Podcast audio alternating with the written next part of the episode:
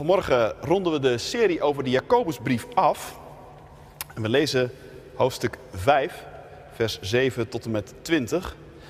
We hebben al veel vaker gemerkt dat Jacobus op allerlei manieren eh, woorden en gedachten en teksten uit het Oude Testament ophaalt. En daarom is de eerste lezing Hosea 6, vers 1 tot en met 3. Want dat is nou weer zo'n frase die dan weer terugkomt in Jacobus 5. Dus twee lezingen vanmorgen uit Hosea 6 en uit Jacobus 5. Kom, laten wij teruggaan naar de Heer.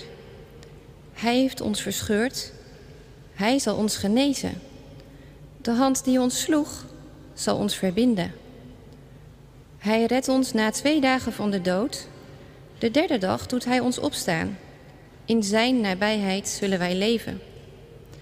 Dan zullen wij Hem kennen en naar jagen om de Heer te kennen. Even zeker als de dageraad zal Hij komen. Hij komt naar ons als milde regen, als de lenteregen die de aarde drenkt. Jacobus 5. Heb geduld, broeders en zusters, tot de Heer komt. Denk eens aan de boer die geduldig blijft wachten op de kostbare opbrengst van zijn land, tot de regens van najaar en voorjaar zijn gevallen. Wees net zo geduldig en houd moed, want de Heer zal spoedig komen. Klaag niet over elkaar, broeders en zusters, want daarmee roept u het oordeel over u af. Bedenk dat de rechter voor de deur staat. Neem een voorbeeld aan het geduldige lijden van de profeten die in de naam van de Heer spraken. Degenen die stand hielden, prijzen we gelukkig. U hebt gehoord hoe standvastig Job was en u weet welke uitkomst de Heer gaf. De Heer is immers liefdevol en barmhartig. Maar bovenal, broeders en zusters, zweer geen enkele eed, niet bij de hemel, niet bij de aarde, nergens bij. Laat uw ja ja zijn en uw nee nee, anders zult u ervoor gestraft worden. Als een van u het moeilijk heeft, laat hij bidden. Is hij vrolijk? Laat hij een loflied zingen. Laat iemand die ziek is, de oudste van de gemeente, bij zich roepen. Laten ze voor hem bidden en hem met olie zalven in de naam van de Heer. Het gelovige gebed zal de zieke redden en de Heer zal hem laten opstaan. En wanneer hij gezondigd heeft, zal het hem vergeven worden. Beken elkaar uw zonde en bid voor elkaar, dan zult u genezen. Want het gebed van een rechtvaardige is krachtig en mist zijn uitwerking niet. Elia was een mens als wij. En nadat hij vurig had gebeden dat het niet zou regenen, is er drie en een half jaar lang geen regen gevallen op het land. En toen bad hij opnieuw, en de hemel gaf regen, en het land bracht zijn vrucht weer voort. Broeders en zusters, als een van u afdwaalt van de waarheid en een ander laat hem daarheen terugkeren, dan mag hij weten, wie een zondaar van het dwaalspoor terugbrengt, red hem van de dood en wist tal van zonde uit. Tot zover de lezing. Dit is vanmorgen gemeente het woord van God voor jou, voor u, voor mij. Gelukkig zijn wij als we het woord van God horen, dat bewaren in ons hart en daar ons vertrouwen op stellen. Halleluja. Amen. Thema voor de verkondiging naar aanleiding van dit Bijbelgedeelte is geduld met God. Geduld met God. En we concentreren ons op de versen 7 tot en met 11 uit Jacobus 5. Gemeente van Christus, broeders en zusters hier in de kerk of thuis met ons verbonden. Op veel punten ben ik het met atheïsten eens. Vaak op bijna ieder punt. Behalve in hun geloof dat God niet bestaat. Dat is de briljante openingszin van het boek Geduld met God van de Tsjechische priester Thomas Halik. Een boek dat een paar jaar geleden verscheen, in korte tijd heel veel lezers kreeg, ook in Nederland, ook onder jullie. En voor wie hem niet kent, nou, Thomas Halik werd geboren kort na de Tweede Wereldoorlog en hij groeide op achter het ijzeren gordijn. In een tijd dat in Tsjechië de woorden God, geloof en kerk de drie meest verboden woorden waren. Maar op de een of andere manier kwam hij toch met het evangelie in aanraking. Ging hij de Bijbel lezen. En werd hij uiteindelijk, zijn eigen moeder wist het niet eens, in het diepste geheim tot priester gewijd. En sindsdien, sindsdien voelt hij zich als het ware een brug, een postiljon, een boodschapper tussen gelovigen en ongelovigen. Tussen de wereld van de kerk en de seculiere wereld. En het boeiende aan Halik is dat hij die seculiere en soms ook echt atheïstische wereld niet alleen maar kent, maar ook begrijpt van binnenuit. Het gevoel dat je hebben kunt dat God zo vaak zwijgt en niet spreekt als jij daar wel op hoopt. Het gevoel dat God ver weg is. Juist op die momenten dat jij heel erg naar zijn nabijheid verlangt. Het verwarrende besef dat de wereld om je heen vaak zulke totaal verschillende signalen afgeeft. Signalen van schoonheid en orde en overweldiging aan de ene kant.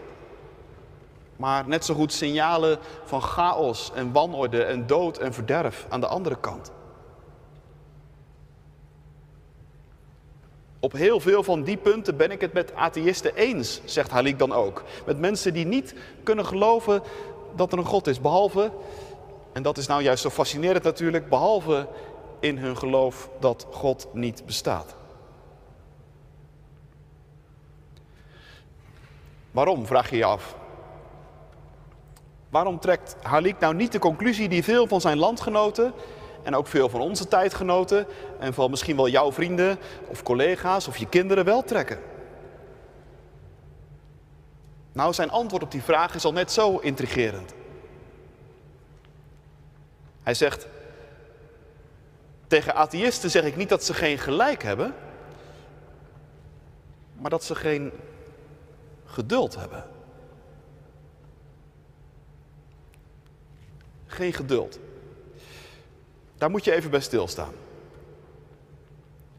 Het verschil tussen geloof en ongeloof zit hem dus volgens Halik niet in gelijk of geen gelijk, maar in geduld of geen geduld. Halik komt veel te veel mensen tegen, zegt hij, onder ongelovigen en onder christenen trouwens, die in zijn ogen veel te snel klaar zijn met God. Hij ziet allerlei vormen van geloof en ongeloof om zich heen, die hem uiteindelijk te makkelijk zijn, te snel, te voorbarig, te ongeduldig. Want God is, zegt Halik, geen probleem dat we even kunnen oplossen om daarna weer met de echt belangrijke dingen verder te gaan. Nee, zegt hij, we moeten opnieuw ontdekken, christenen en niet-christenen, dat God een mysterie is. Een geheimenis. En met een mysterie ben je nooit klaar. Dat draag je in je hart. Zoals Maria de woorden van de engel in haar hart droeg.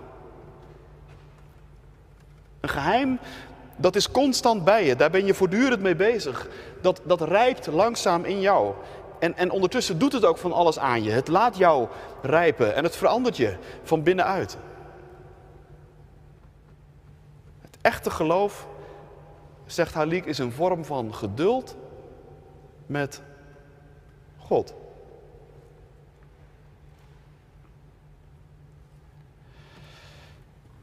Nou kan ik me voorstellen dat je dit aanhoort en denkt, ja maar wacht even. Is dat nou niet net toch een beetje te veel eer voor ons? Is het als het over geduld gaat toch niet veel meer andersom? Niet dat wij geduld hebben met God, maar dat God geduld heeft met ons. Is dat niet het grote geheim van de Bijbel en van het christelijk geloof?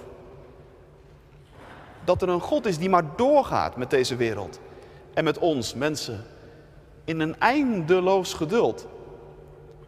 Terwijl er ook alle reden is om ermee op te houden.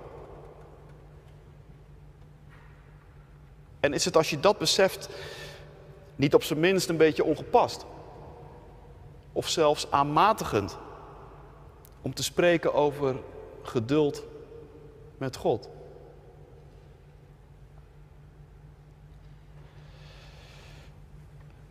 Nu ja, dat Gods geduld met ons een van de grootste geheimen van het christelijk geloof is, dat is zeker waar. En de vele verhalen in de Bijbel waarin wij mensen Gods geduld tot het uiterste oprekken, is aangrijpend.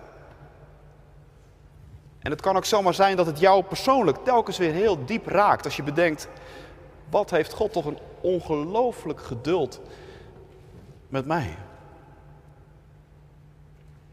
Maar toch heeft de Bijbel ook heel nadrukkelijk die andere lijn. Die lijn die iemand als Halik dus heel goed gezien heeft. Misschien wel door Jacobus 5 te lezen. Geloof als een vorm van geduld met God. Geduld met de weg die de Heere God met jou gaat, met deze wereld. Geduld met zijn plannen en gedachten. Geduld met zijn begrip van tijd.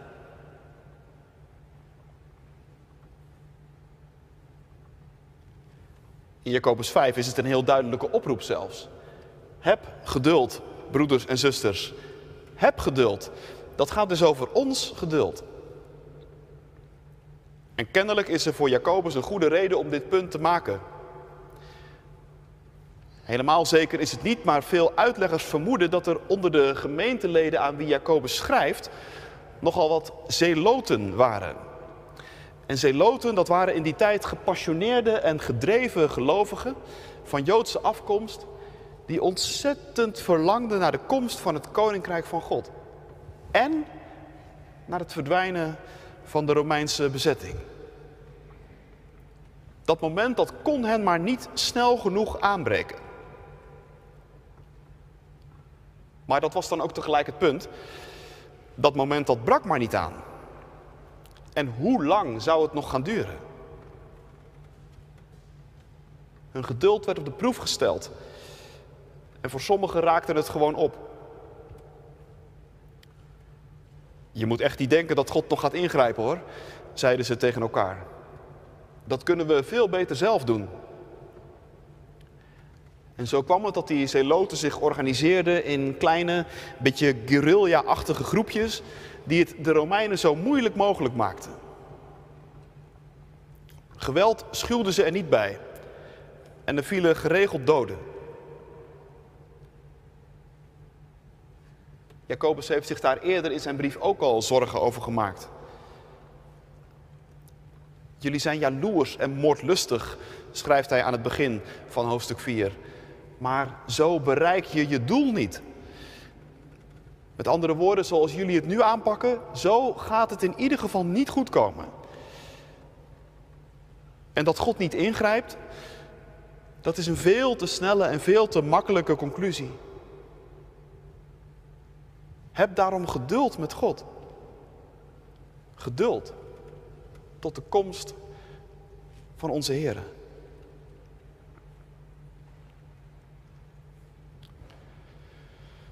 Geduld. Dat is in het geloof dus een schone zaak. Maar waarom duurt het dan zo lang? Ik kan me voorstellen dat Jacobus die tegenwerping regelmatig te horen kreeg. En misschien is dat ook wel jouw punt. En daarom komt Jacobus hier in dit hoofdstuk met het voorbeeld van een boer. Een boer die in het voorjaar zaait en die in het najaar hoopt op oogst. Hoopt op een kostbare opbrengst, staat er. Want die opbrengst, zo gaat dat als je boer bent, daar moet je het wel van hebben. Daar leef je van, daar eet je van. En van wat je over hebt en verkopen kunt, betaal je je rekeningen. Er hangt dus nogal wat af van die oogst.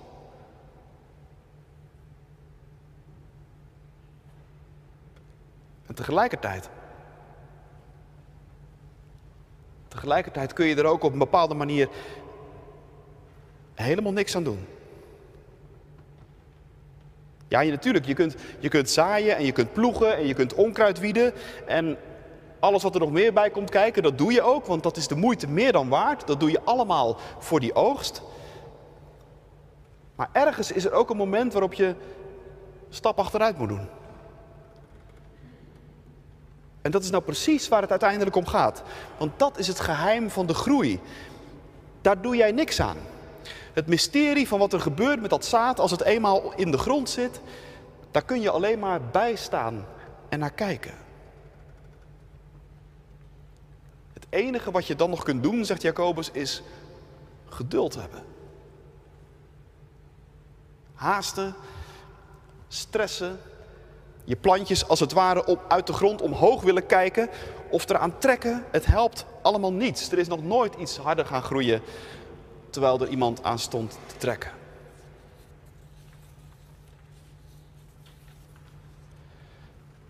Ik vind dat hoe langer ik erover nadenk, hoe meer een fascinerend voorbeeld. Want het helpt ons er namelijk bij om te bedenken dat er tussen zaaien en oogsten een geheim gebeurt wat wij niet in de hand hebben en dat tegelijk het hart van de zaak is. Zonder dat geheim, daaronder die grond, in het verborgene, zonder dat zou er nooit een oogst zijn. En ook al duurt wachten lang, je gaat met dit beeld in je achterhoofd daar toch ineens heel anders naar kijken. Want zonder die periode van wachten gaat het gewoon niet. Uiteindelijk is dat het belangrijkste. En een boer weet dat. En daarom heeft hij geduld.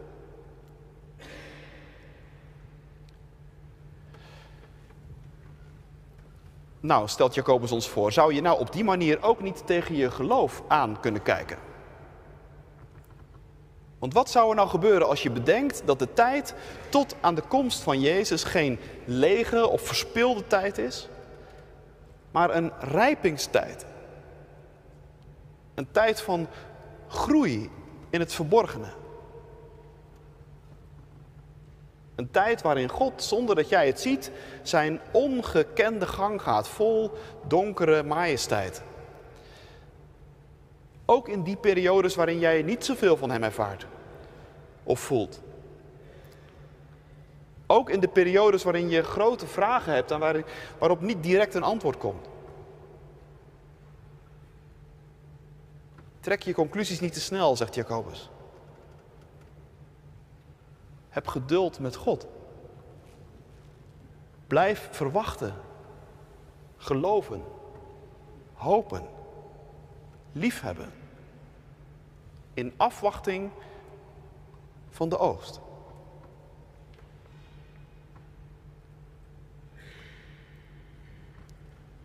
Ik dacht ook nog, heeft de Heere God ons dat niet zelf ook voorgedaan? In het evangelie vergelijkt Jezus God, zijn vader, regelmatig met een boer. De zaaier is God. Mijn vader is de landbouwer. Dat soort zinnen kom je in het evangelie tegen.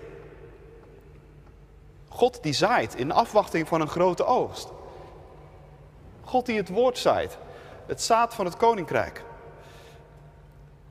Maar ook God die in Jezus zichzelf zaait. Jezus die als de tarwekorrel in de aarde valt en sterft. En dan? Vroeg die weg niet ook heel veel van Gods geduld?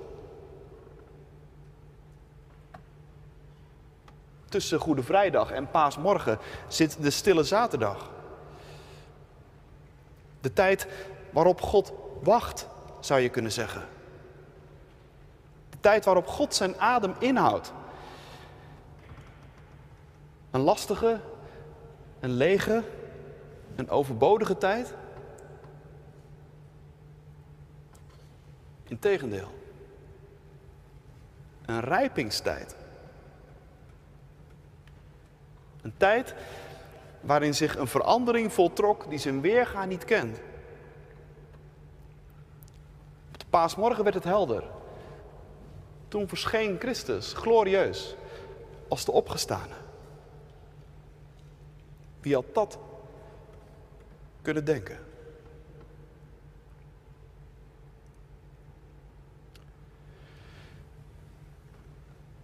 Wij luisteren naar deze woorden op de Eeuwigheidszondag, de dag waarop we in de kerk gedenken wie in het afgelopen jaar gestorven zijn. Misschien ben je zelfs daar speciaal voor gekomen of digitaal aangehaakt. Misschien zit je hier met verdriet en gemis en gaat er veel door je heen. Iemand van wie je houdt afstaan aan de dood is geen kleinigheid. Dat roept veel bij ons wakker. Misschien heb je het afgelopen jaar iemand verloren. Of al langere tijd geleden, maar komt het nou zomaar weer boven en ben je met grote vragen achtergebleven. Had je zo graag nog dit of dat gedaan met je vader? Dit of dat willen bespreken met je moeder? Zijn er open vragen en losse eindjes die je maar niet aan elkaar geknoopt krijgt?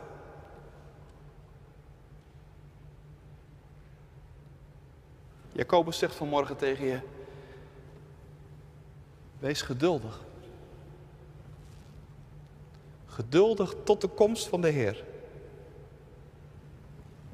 Denk aan de boer die zaait en wacht. Heb geduld met God.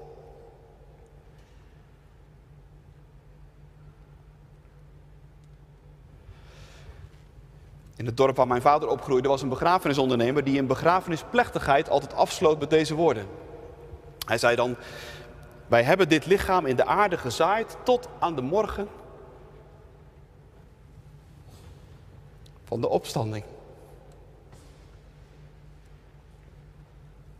Dat maakte op mijn vader veel indruk. En het is ook helemaal in de lijn van Jacobus. Als je de komst van Jezus verwacht, dan is iemand begraven een daad van geloof, van liefde, van hoop. Hoop op God, de landbouwer, die samen met jou wacht tot het moment van de oogsten daar is. Het einde van de tijd, als God de doden wakker roept. Om ze te laten delen in de opstanding van Jezus. Op die kostbare vrucht hopen wij in de kerk.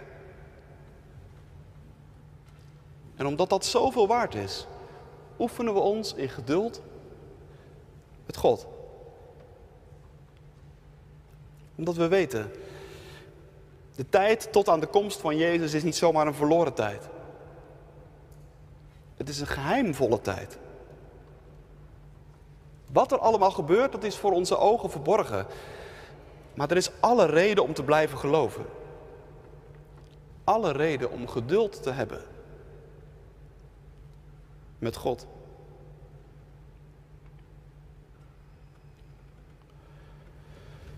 Tot slot daarover nog dit. Wij weten ook wel dat geduld hebben soms niet meevalt. Je kunt je geduld ook verliezen. Je kunt je geloof verliezen. Je kunt vallen voor de verleiding om de vlucht naar voren te maken, zoals die zeeloten deden. Of je kunt vallen voor de verleiding van al te snelle conclusies. Je kunt klaar zijn met God, om het nog even met Thomas Harlik te zeggen. Wat heb je dan nodig? Goede moed, zegt Jacobus in onze vertaling. Letterlijk staat er, u moet ook uw hart versterken. Juist om geduld met God te houden, is het ontzettend nodig dat je goed voor je ziel zorgt. Dat je je hart versterkt, zodat je moed blijft houden. En Jacobus zou Jacobus niet zijn als hij dat niet ook weer even heel praktisch zou maken. Want hoe doe je dat nou? Je hart versterken.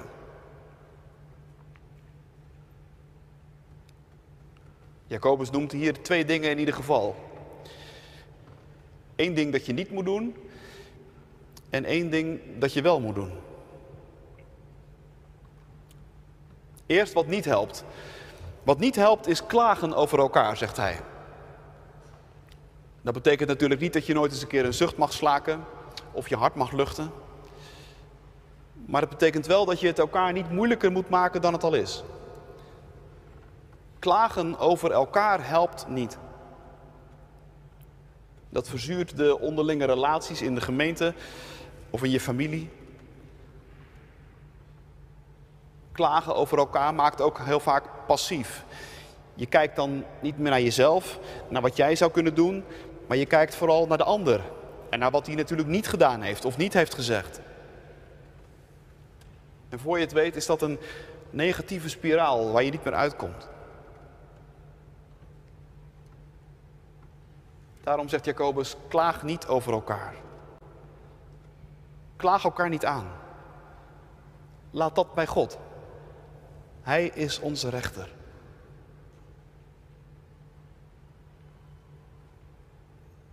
Maar wat juist wel helpt om je hart te versterken, dat zijn goede geloofsvoorbeelden.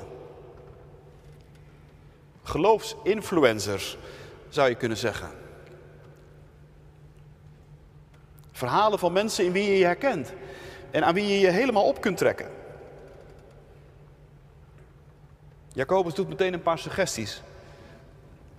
De profeten, zegt hij. En Job. Denk daar eens aan. Allemaal mensen die er diep doorheen gingen, maar die geduld hielden met God. Kijk, dat is nou het prachtige van de kerk. Dat daar een hele gemeenschap van heiligen is om ons heen, waar je contact mee kunt maken. Ik zou bijna zeggen, waar je vriendschap mee kan sluiten. Over de grenzen van tijd en plaats heen. Je kunt vriendschap sluiten met Job, met Jezaja, met Jeremia. Maar goed, dichter bij huis mag ook hoor. Sluit vriendschap met iemand in de gemeente. Zoek iemand op met wie je afspreekt van tijd tot tijd te praten over de weg die God met jou gaat. Over wat daar moeilijk aan is. En mooi. En versterk zo elkaars hart. Zodat je moed houdt. En geduld. Geduld. Tot Christus terugkomt. Want dat zal zeker gebeuren. Kom, Heer Jezus. Kom, haastig. Amen.